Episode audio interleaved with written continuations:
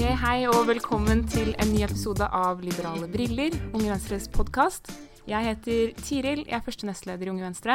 Og med meg har jeg deg, Sondre. Hallo. Ja, Og du er leder i Unge Venstre.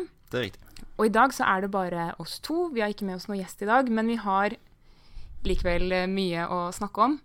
Eh, vi skal selvfølgelig snakke om abort. Det har jo preget nyhetsbildet ganske mye de siste to ukene, er det vel? Det er sant. Ja, og, eh, og vi skal også snakke litt om det svenske valget, og ta med oss noen snacks eh, derfra. Eh, men det vi tenkte å begynne med, det er regionreform, som for så vidt også har fått en del oppmerksomhet eh, i det siste. Og jeg vet ikke, hvor, er det, hvor skal vi begynne med regionreform, eh, Sondre? Vi kan jo spole tilbake til eh, 2013, eh, da vi eh, Da borgerlig side vant valget. Da Høyre og Fremskrittspartiet dannet regjering, og så fikk de en samarbeidsavtale med, med Venstre og Kristelig Folkeparti. Og Da ble vi enige med regjeringen om at det skulle gjennomføres en kommune- og regionreform i Norge med sikte på drastisk, eller ikke drastisk, men i hvert fall prøve å redusere antall kommuner og fylkeskommuner i Norge. Eh, Høyre og Fremskrittspartiet var egentlig mot at man skulle ha eh, fylker, men eh, Venstre og KrF fikk regjeringen med på det. Så da var avtalen at eh, vi skulle støtte regjeringens forslag om å redusere antall kommuner, mot at de også skulle støtte oss i å redusere antall fylker. Og siden den gang så har det jo på en måte bare balet på seg og blitt eh, eskalert veldig mye. Det har blitt ganske mye trøbbel rundt den eh, reformen. Ja, for det har jo eh, vært veldig mye debatt om hvor disse grensene skal gå. Det kan vi huske fra, fra tidligere, om eh, ja, hvem skal slå seg sammen, hvor mange regioner skal det være i Norge, og ikke minst hvilke oppgaver skal de ha. Eh, og Der har vi et utvalg som har lagt fram noen forslag, og det skal man også komme tilbake til i Stortinget. Men eh, det som kanskje har vært der det har bråkt mest, da, det er jo i Finnmark. Eh, hvor det har vært en del eh, lokal motstand, men Stortinget har vedtatt at Troms og Finnmark skal slå seg sammen. Og det som skjer nå, er jo at eh, Arbeiderpartiet i Finnmark har jo ja, boikottet Stortingets vedtak ganske lenge. De har ikke ønsket å Eller de har nektet å oppnevne noen medlemmer til fellesnemnda, og fellesnemnda det er på en måte den eh, nemnda, eller den gjengen da, som skal jobbe med prosessen fram mot en sammenslåing, eh, og som skal bestå av medlemmer av både fra Troms og Finnmark, politikere derfra. Um, så de har ikke ønsket å oppnevne noen medlemmer dit engang. Mm. Troms har jo møtt opp, men Finnmark har har eh, latt være å, å møte opp. Ja, og det er jo på en måte Det er Arbeiderpartiet og sånn som har stått i spissen for det i Finnmark. Og eh, de har ikke møtt på møter. Monica Mæland, kommunalministeren, har innkalt til. Og nå har vel hun sagt at man må avvente dette fram til en stortingsbehandling av et forslag som ligger i Stortinget, fra Senterpartiet. Om å ikke slå sammen disse to fylkene. Så nå er det komplett kaos. Nå er det komplett kaos. Og jeg må si, jeg syns det her er skikkelig uansvarlig av Arbeiderpartiet i Finnmark. Og sånn, Finnmark Venstre var i utgangspunktet ikke fan av denne sammenslåingen mellom Troms og Finnmark, men de har i hvert fall vært sånn OK, men hvordan gjør vi det beste ut av det? Hvordan sørger vi for at vi får skikkelig bra oppgaver i, i, til den nye regionen vår, sånn at vi kan løse utfordringene i Finnmark? Eh, men det har jo ikke Arbeiderpartiet gjort i det hele tatt, og det syns jeg er skikkelig provoserende, og det begynner å gå ut, eller ja, potensielt gå utover resten av reformen også. I hvert fall er det andre fylker som har begynt å rasle med, med sablene. Mm. Og nå har man jo hatt eh, Nå ligger det an til at når man skal stemme over dette i Stortinget for tredje gang, om hvorvidt Finnmark og Troms skal slå seg sammen, eh, så kommer det til å bli flertall for at de skal slå seg sammen nok en gang, fordi KrF har landet på hva skal man si, riktig side og sagt at Finnmark og Troms skal være én region. Eh, og det vil være tredje gangen man, man gjør denne voteringen i Stortinget. Og hvis man da skal eh, åpne opp for at altså Arbeiderpartiet i Finnmark skal få lov til å motarbeide denne reformen, så lager man jo egentlig en presedens på at hvis man eh, maser høyt nok, hvis man lar være å møte opp til ting, så kan man reversere Stortinget sine vedtak. Og det er en ganske spesiell måte å drive med politikk på. Ja, for det er jo Stortinget som til syvende og sist eh, bestemmer. Og det som skjer nå f.eks. I, i Viken, eh, der jeg kommer fra, og som kommer til å bli det, det største fylket sånn befolkningsmessig, eller regionen i, i Norge 1,2 millioner innbyggere, og strekker seg som kjent fra Halden til Hallingdal. den ekstremt lange avstanden som eh, ja, Herregud, jeg syns virkelig ikke synd på de som skal reise mellom Halden og Hallingdal. Det er veldig mye lengre avstander andre steder i landet. Men, eh, men det som skjer nå, er at Arbeiderpartiet og en del andre partier også i Viken har sagt at OK, eh, nå som Finnmark eh, ikke vil rette seg til Stortingets vedtak, så bør vi også få bestemme hva vi vil med Viken. For det er jo slik at eh, Østfold, Buskerud og Akershus, fylkene som skal slå sammen til Viken, de har jo heller ikke egentlig vedtatt at de vil ha akkurat denne konstellasjonen. Det er jo kjent sak at Akershus har ønsket å slå seg sammen med Oslo osv. Um, men igjen, jeg syns også det her er eller jeg kan si hvor prosessen er nå, da. fordi de hadde også møte i denne såkalte fellesnemnda. En fellesnemnd som faktisk har jobbet ganske mye siden Viken ble vedtatt på Stortinget, og som nå er i gang med å på en måte lansere hvor skal de ha hovedkvarteret sitt. og altså, De er i gang med veldig mye. Eh, og nå ble det flertall, når Arbeiderpartiet også ønsket å sette dette på vent, for eller det er egentlig flertall den, eh, i den fellesnemnda for å sette arbeidet med Viken på vent eh, fram til ting er mer avklart i Stortinget. Problemet med det er jo at dette er jo en prosess som tar ganske lang tid. Og selv om man først skal slå sammen i 2020, ja, 2020 mm. Eh, så er det jo veldig mye som skal skje i mellomtiden. Man skal ansette masse folk. Det er 10 000 mennesker skal jobbe i Viken, og de sitter nå med en ganske usikker hverdag. De vet ikke hvor de skal jobbe, om de i hele tatt skal jobbe i den nye, den nye storregionen. Eh, og igjen, jeg syns det er utrolig, utrolig, uansvarlig. Mm, men så handler det også om at nå eh, skal det være etter hvert eh, fylkestingsvalg i Norge neste år. Og da er jo partiene helt avhengig av at de må vite vi skal nominere kandidater til fylkestinget. Skal vi gjøre det til Østfold fylkesting, eller skal vi gjøre det til Viken eh, fylkesting? Skal vi lage felles program sammen med de andre fylkene, eller skal vi lage et program alene? Så i tillegg til arbeidsplassene og administrasjonen som er litt uklart, så er man helt avhengig av at eh, de politiske partiene da, vet hvilket organ de skal stille lister til. Eh, og der er jo også Det setter prosessen litt i fare, da. Skal Venstre nå f.eks. For forberede seg på å lage et program for Viken Venstre, eller skal vi lage for Akershus Venstre, Østfold Venstre og Buskerud Venstre? Ja, jeg kom jo akkurat fra møte i nominasjonskomiteen i Viken Venstre. Vi fortsetter, fortsetter arbeidet uansett hva Arbeiderpartiet i Viken måtte, måtte mene om det. og ja, det er jo helt riktig som du sier at Én ting er de 10 000 arbeidsplassene og, og, alle andre arbeidsplassene i Norge, men også alle organisasjonene som er i gang med å slå seg sammen. Alt som er i ferd med å endres pga. denne reformen som er blitt vedtatt to ganger i Stortinget. Og så skal man begynne å torpedere den nå. Og det er helt greit å være uenig med regionreformen. Hvis vi hadde vært det, så hadde vi helt sikkert uh, sagt det. Men når man er der man er i dag, så er det uansvarlig å sabotere noe Stortinget har vedtatt. Uh, men jeg tenkte en, uh, et, et, sånn typisk Unge Venstre-sitat, eller hva skal man si, det er jo at vi skal ha tre forvaltningsnivåer i Norge. kommune, stat og EU. og det er jo litt sånn Det er jo en debatt, i hvert fall var det sist landsmøte, en debatt i Unge Venstre om man i det hele tatt skal ha et tredje forvaltningsnivå i Norge, altså fylkeskommunen. Skal vi ha tre eller fire forvaltningsnivåer, inkludert EU, i Norge? Og eh, det er en debatt jeg tipper kommer opp på lands... Eller det kommer jo opp på landsmøtet ja, i år også. Vi var litt uenige her sist om ja. uh, hvorvidt man burde ha en fylkeskommune eller ikke. Spoiler alert, Sondre kommer til å foreslå å skrote fylkeskommunen. Det er jeg ganske sikker på. Men det er jo ikke vi helt enige om, fordi jeg var jo en varm forsvarer av uh, fylkeskommunen sist landsmøte. Eh, og vi, det vi landet på sist, et, var jo et slags kompromiss hvor eh, vi vel vedtok at hvis vi ikke klarer å redusere antall kommuner betraktelig Og de får nok oppgaver? Eller nei, hvis, hvis de nye regionene ikke får nok oppgaver og tilstrekkelig makt, så er vi mot en regionreform. Eller å fjerne Ja, da, da, vil vi fjerne fylkeskommunene. Ja. Eh, og det var på en måte et kompromiss alle kunne leve greit med, men den debatten kommer jo tilbake nå. Men jeg kan jo begynne med å spørre deg, Sondre, du som vil endre det bestående. Hvorfor vil du det? Nei, Jeg skulle ønske at man eh, fulgte med Høyre og Fremskrittspartiet på det de ønsket, nemlig å kun ha to forvaltningsnivåer i Norge, stat og kommune. Eh, og det handler om at jeg tror at hvis man hadde gått inn for å fjerne fylkeskommunen, så ville det gitt et mye bedre insentiv til å gjennomføre en bedre kommunereform. Eh, nå har man jo forsøkt å gjøre en eh, kommunereform hvor man har redusert antall kommuner fra 428 til 356. Men det er ikke få nok. Og man har fortsatt altfor mange kommuner som har under 1000 innbyggere. Halvparten av de kommunene vil være under 5000 innbyggere. Eh, og mange av de vil ikke være i stand til å møte de utfordringene de har i dag, og de eh, oppgavene de kommer til å få i fremtiden, på en god nok måte.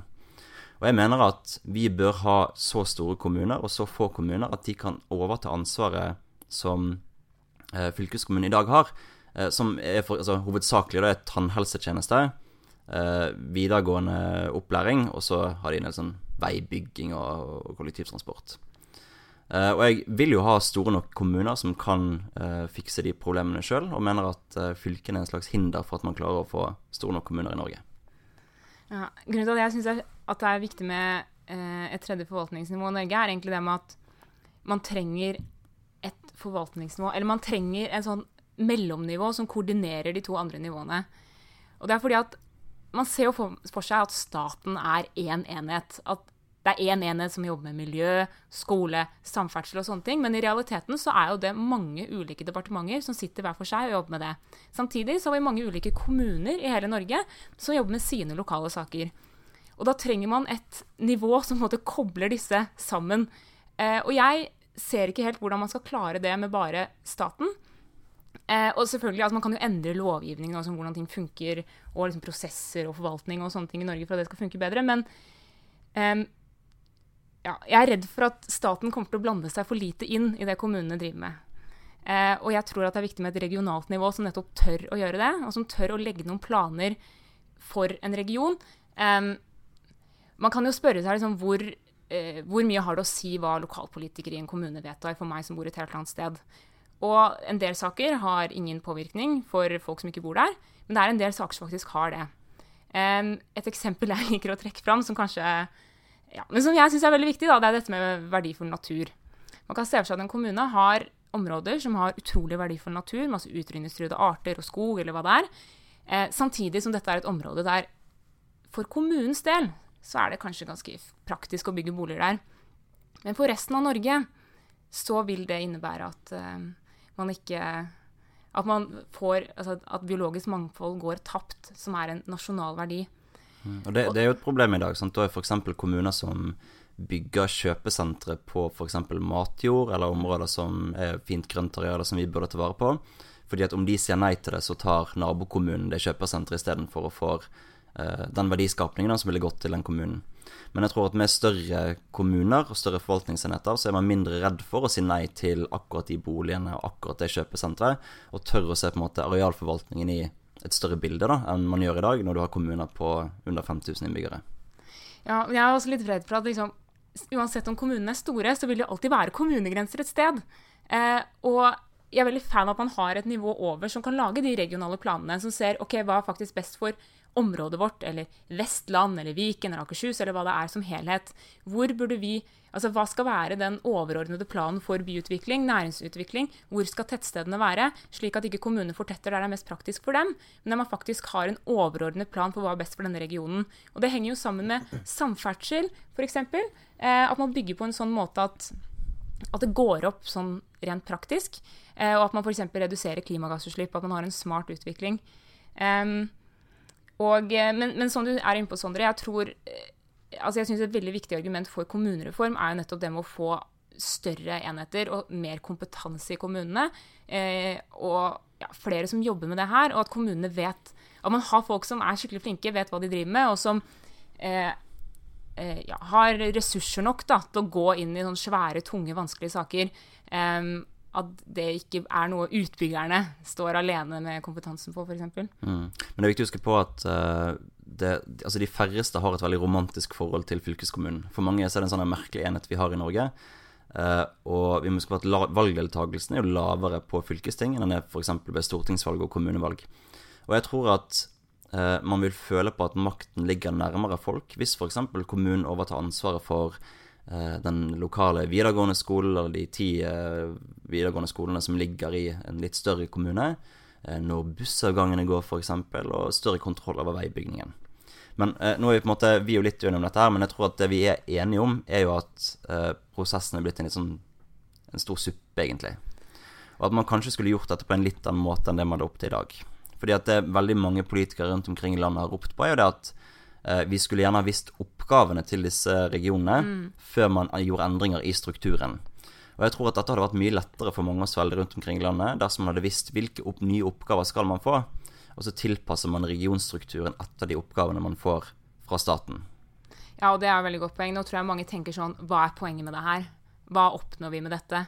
Eh, og så får jo veldig mange som egentlig ikke har et forhold til fylkeskommunen, et forhold til fylkeskommunen. Ja, det har jo den siste tiden vist. Ja, ikke sant? At liksom Nei, jeg har faktisk et religiøst forhold til Finnmark, fordi dette er fylket mitt, og det er liksom noe ingen har tenkt over tidligere, kanskje.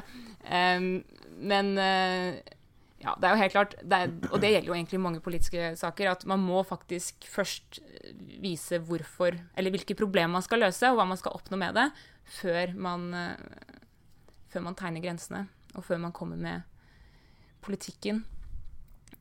Um, tror du Tror du vi kommer noe lenger enn der på landsmøtet, eller tror du vi lander på det samme vi, vi mener i dag? Nei, jeg eh, tror kanskje at uh, landsmøtet er enig med meg. Du tror det? Jeg tror flere har blitt bevisst på fylkeskommunen. Liksom, før så har det vært en liksom, perifer debatt på landsmøtet vårt. Det har vært noen som bare hater fylkeskommunen, og så er det noen andre som kanskje har vært litt i lokalpolitikken, eller bare Jeg vet ikke. Men nå tror jeg flere har Veldig mange unge venstre i hvert fall har jo måttet forholde seg til det her når man skal slå sammen fylkene. Jeg tror flere har gjort, seg opp en mening om fylkeskommunen ja. fall. Så det blir spennende. Og ikke minst om det kommer flere forslag også. Eh, à la det vi hadde i fjor.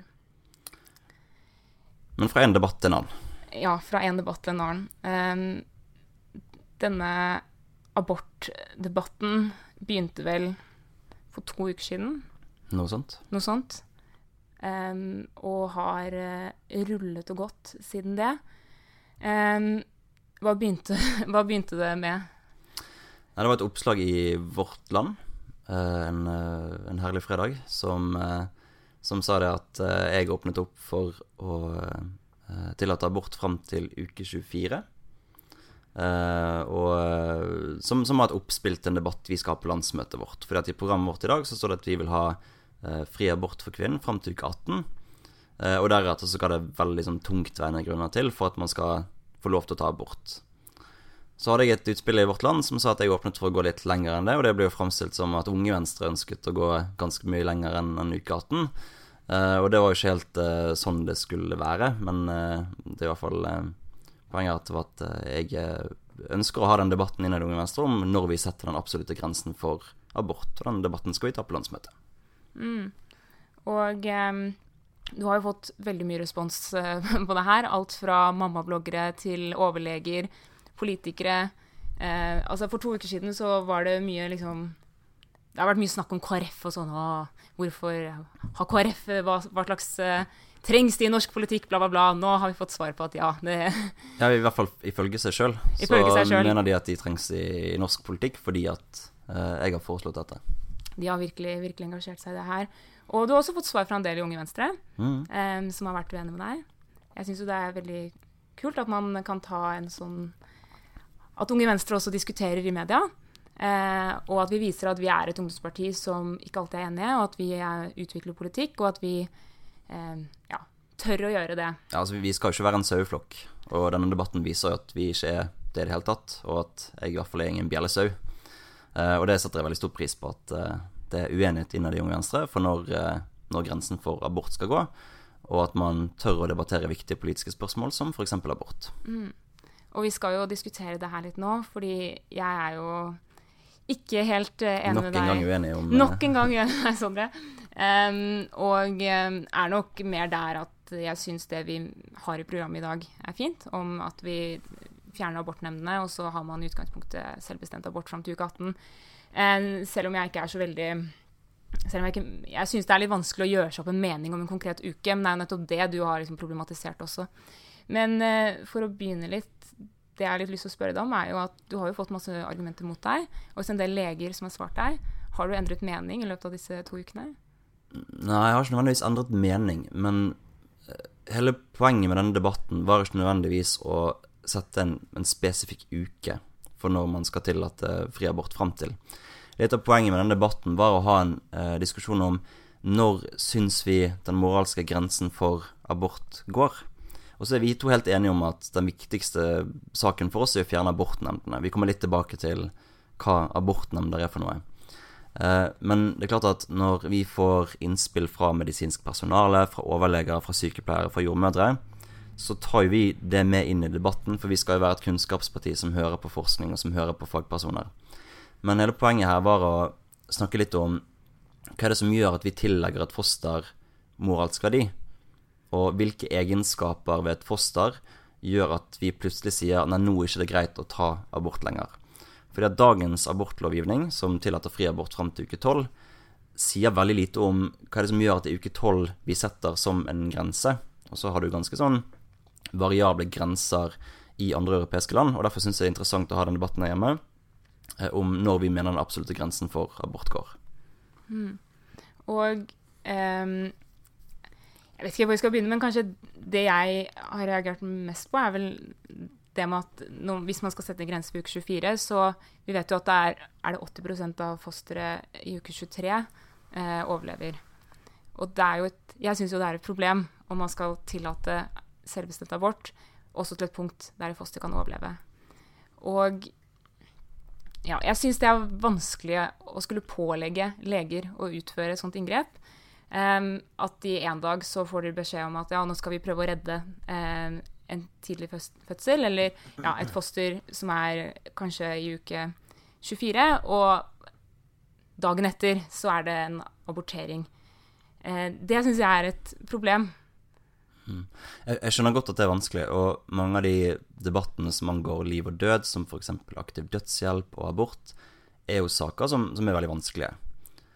Uh, og mitt ankepunkt mot at man hele tiden skal knytte et fosters moralske verdi opp til når det kan overleve, eller når, man, når det kan reddes av medisinsk personale, er jo at den grensen vil alltid flytte seg. Både uh, over tid, men også på tvers av landegrenser, og kanskje også innad i et land. Da abortloven ble vedtatt for 40 år siden, så viste et sånt uh, ekspertutvalg som regjeringen satte ned, at da kunne man eh, redde fosteret i uke 28. Eh, nå kan man redde fosteret i uke 23. Eh, og da er spørsmålet har fosterets moralske verdi forandret seg i løpet av 40 år på når på måte man kan redde det, og når man ikke kan redde det. Så kan det tenkes at om 40 år så klarer vi å redusere eh, de ukene med, med 10 uker. Kanskje man kan redde fosteret helt ned til uke 13. Betyr det at det er der vi setter grensen for når det er greit å ta abort? For jeg mener at et abortregelverk er nødt til å vare litt lenger enn den teknologiske utviklingen i et samfunn. Og det vi diskuterer her i Unge Venstre, det er jo prinsippene for abort. Og hvis vi hele tiden skal knytte det opp til når et foster kan overleve, så vil jo det stadig forandre seg. Og så er det jo sånn at i eh, Norge så er vi jo flinke på, på helse, vi er flinke på, på teknologiutvikling. Er det sånn at hvis vi kan redde et foster i uke 23 i Norge, så er det der grensen går, mens i eh, La oss si et land i Sør-Amerika, så går grensen i uke 30 på når man kan redde et foster. Skal de sette grensen der da? Det betyr at man har en sånn forskjellig moralsk vurdering av barn i f.eks. Sør-Amerika og i eh, Nord-Europa. Men det er jo litt sånn det er i et Altså, vi må jo styre over de lovene vi har i Norge etter hva vi mener er best, og hvordan systemet funker i Norge. Og jeg synes at På mange måter så er det bra at Unge Venstre er tidlig ute. Og det er kult at vi vedtar ting eh, tusen år før alle andre, eller i hvert fall ti år før Venstre vedtar det, og så blir det kanskje politikk en dag. Men akkurat når det gjelder abort, så syns jeg det er litt mer problematisk.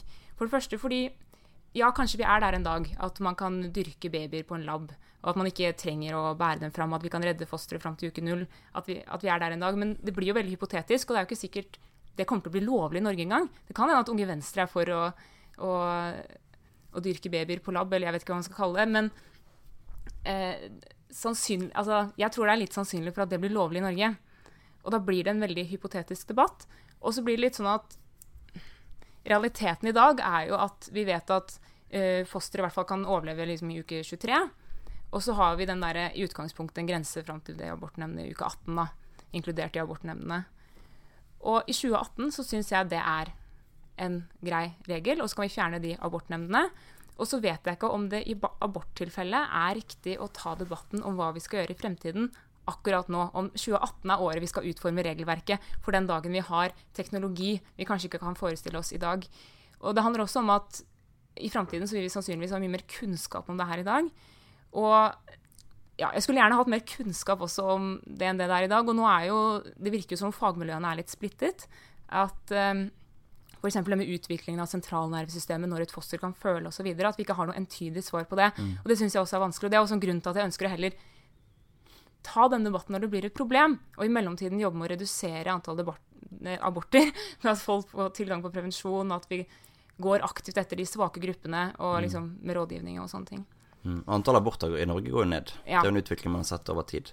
Og jeg lever, eh, altså jeg lever, veldig fint med om Unge Venstre velger å gå for la oss si abort i uke 21 eller uke 22, eller om vi eh, ender på dagens formulering som uke 18, så lever jeg veldig fint med det. For det viktigste vi har i programmet vårt, er jo at vi vil fjerne abortnemndene. Mm. Og vi må jo si litt om det. Ja, du får si hva en abortnemnd er. ja, for det handler om at i, i Norge så Det er mulig jeg har tallet litt feil, men jeg tror det foretas omtrent 12 000 aborter årlig i Norge. Eh, de aller fleste av de, de skjer før uke 9. 80% av aborten i Norge foregår før uke 9. Eh, etter uke 12 så er man nødt til å søke en nemnd for å gjennomføre abort. Du må søke et slags panel av leger for å, for å vurdere om du skal få lov til å innvilget abort eller ikke. De aller fleste som søker abortnemnda, de får innvilget abort. Altså de får lov til å ta abort. Og så er det et par personer eh, som får nei fra denne nemnden. Og det vi syns er litt spesielt, er at det skal sitte sitte medisinsk personale og vurdere om du har gode eller dårlige grunner til å ta abort, istedenfor at du skal ta det valget sjøl. For det er jo sånn at det er snakk om kun et få antall personer hvert år som får nei fra disse nemndene, og må også gjennomføre et svangerskap som de ikke ønsker likevel. Og Det syns vi er litt problematisk, fordi at man tillater utgangspunktet abort fram til uke 18. Du må bare gjennom et slags komplisert system for å få innvilget abort. Og Da mener vi at det er bedre å sette grensen litt mer likt for alle, sånn at alle kan ta abort til uke 18, og så eh, skal det særlig tungtveiende grunner etter det for å få innvilget eh, senabort. Mm.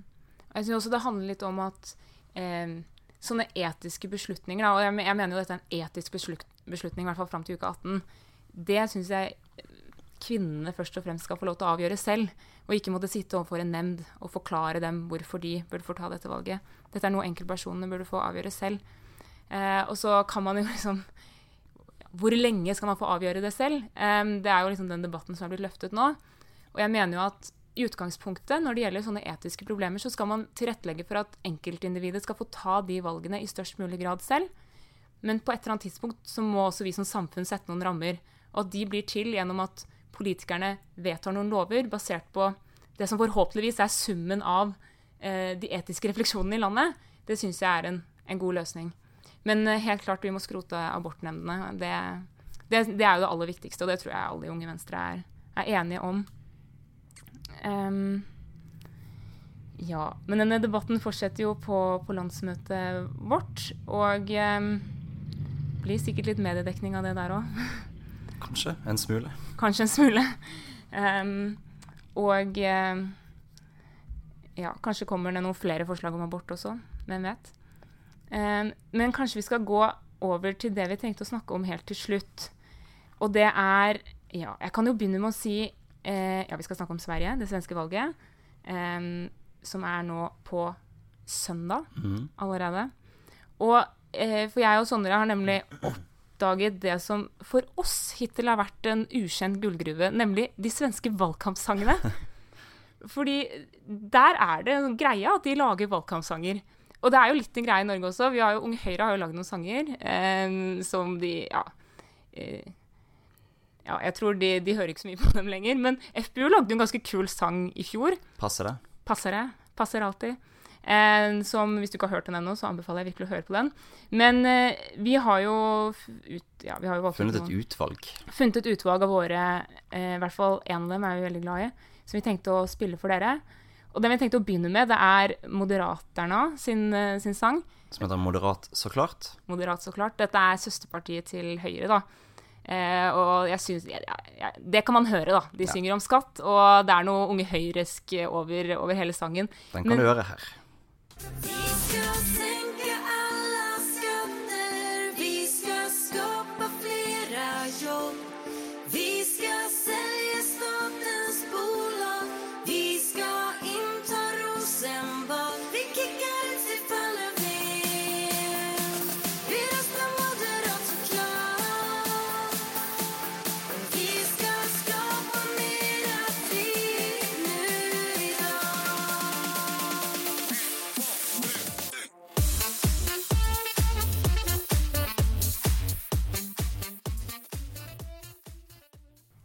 yes, det var et lite utdrag fra Moderat, så klart. Og den er også på Spotify, så den kan du høre på repeat, sånn som jeg og Sondre har gjort den siste uka. Eh, hva syns du, Sondre? Nei, det er en fantastisk låt. Det er en fantastisk låt. Den er utrolig catchy. Jeg tenker sånn, Hadde det vært en russebuss i Bærum da jeg var russ, som hadde hatt dette her som sang, da hadde jeg blitt med på den bussen. Koste hva det koste vil. Det er så høyt eh, henger den hos meg. Um, Og så skal man et par hakk ned på kvalitet. et par hakk ned på kvalitet. Dette er Sosialdemokraterne sin sang.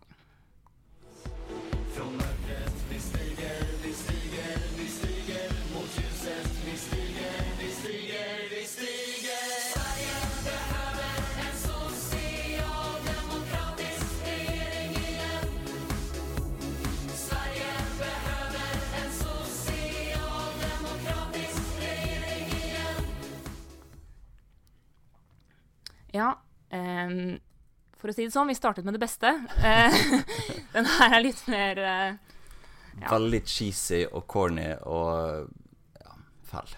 Ja. Hadde du klart å lage noe bedre enn deg selv? Jeg håper det. Kanskje vi skal starte med valgkampsang i Unge Venstre? Nei, jeg vet ikke, ass. Har vi ressurser til det? men eh, men denne her er vel også på Spotify. Men en sang jeg har oppdaget på eh, YouTube, som dere for øvrig også bør, bør søke opp der, er KDU is gonna free the market. Altså Kristendemokratenes Ungdom, heter Ja, og eh, They are gonna free the market, for å si det sånn. Det her er eh, Det er vel på en måte Det er vel KrF sitt søsterparti. Og for å si det sånn, KrF i Sverige, de har valgt side. De har valgt høyresiden, og de har lagd en, de har lagd en sang hvor han bare synger på repeat et sitat av Margaret Thatcher. Så den og Moderaterna sin sang er de som eh, konkurrerer om Stikker av med seieren. Ja. Men, eh, men for å snakke litt om det svenske valget, hvordan er ståa der foreløpig, Sondre?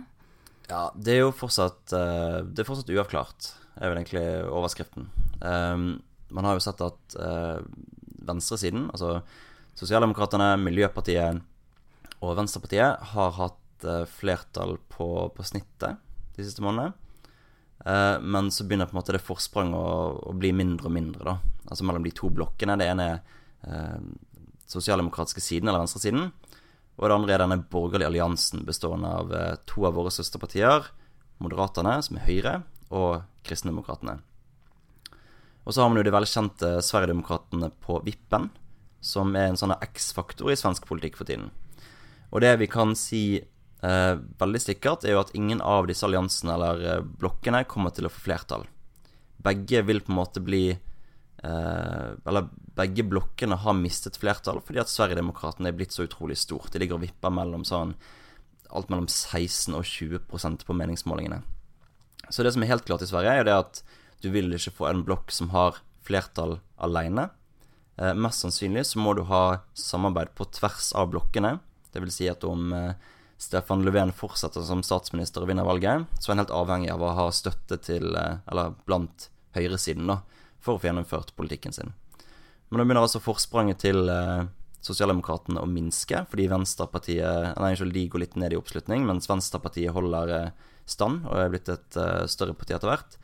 Så dette går imot et thrillervalg i Sverige, hvor man mest sannsynlig ikke vil få et veldig godt svar på hvilken regjering det blir på valgnatten, men er nødt til å gjøre litt sånn som i norsk politikk, da, og drive med ukevis med regjeringsforhandlinger for å se hvem som ender opp i regjering til slutt. Mm. Ja, det blir kjempespennende å følge med på. Kan jeg bare spørre Hva er det dere skal gjøre i Sverige? Skal dere gå på dørbank og være med på valgkamp? Jeg skal jo til eh, Sverige og drive valgkamp for liberalene liberalerne. Ja, det Noen av dere kanskje si. husker eh, Alex, som var på podkasten her for et par episoder siden. Han var jo representant for liberalerne. Og så skal meg og noen andre fra Unge Venstre gå ned og drive valgkamp for at eh, de skal vinne valget. Og de har også stilt seg ikke bare stilt seg skeptisk, men regelrett eh, utelukket samarbeid med Sverigedemokraterna og går oss til valg på den borgerlige alliansen som de håper vinner. Hva vi skal gjøre, det vet jeg ikke, men jeg tipper at vi skal bruke tid på å snakke opp EU. Snakke om skolepolitikk, Ja. snakke om integrering, snakke om miljø og klima, og ting som er ganske viktige for eh, svenske velgere. Og så må jeg spørre deg helt til slutt, eh, tør du å spå dette valget? Nå er det jo ganske jevnt, så det er kanskje ikke så mye fallhøyde eh, uansett hva du sier. Nei, eh, jeg, jeg vil jo tippe at venstresiden vinner valget. At sosialdemokratene vinner valget. Men det som, det, no, altså det som er klart, er at høyresiden kommer til å få flertall. Fordi Sverigedemokraterna er blitt så store. Men det er jo ingen som har lyst til å ta i eh, Sverigedemokratene, selv med ildtang. Og så lenge Moderaterna ikke snur i døren på valgnatten, så vil jeg tro at det ligger opp til at eh, Stefan Löfven får fortsette som statsminister i Sverige. Yes. Da får vi vente i spenning. Du får kose deg på valgvake i, i Sverige, og så skal jeg prøve å finne valgvake i Oslo. Um, men jeg tror det var det vi hadde for i dag, uh, så da kommer vi tilbake. Ha det bra. Ha det bra.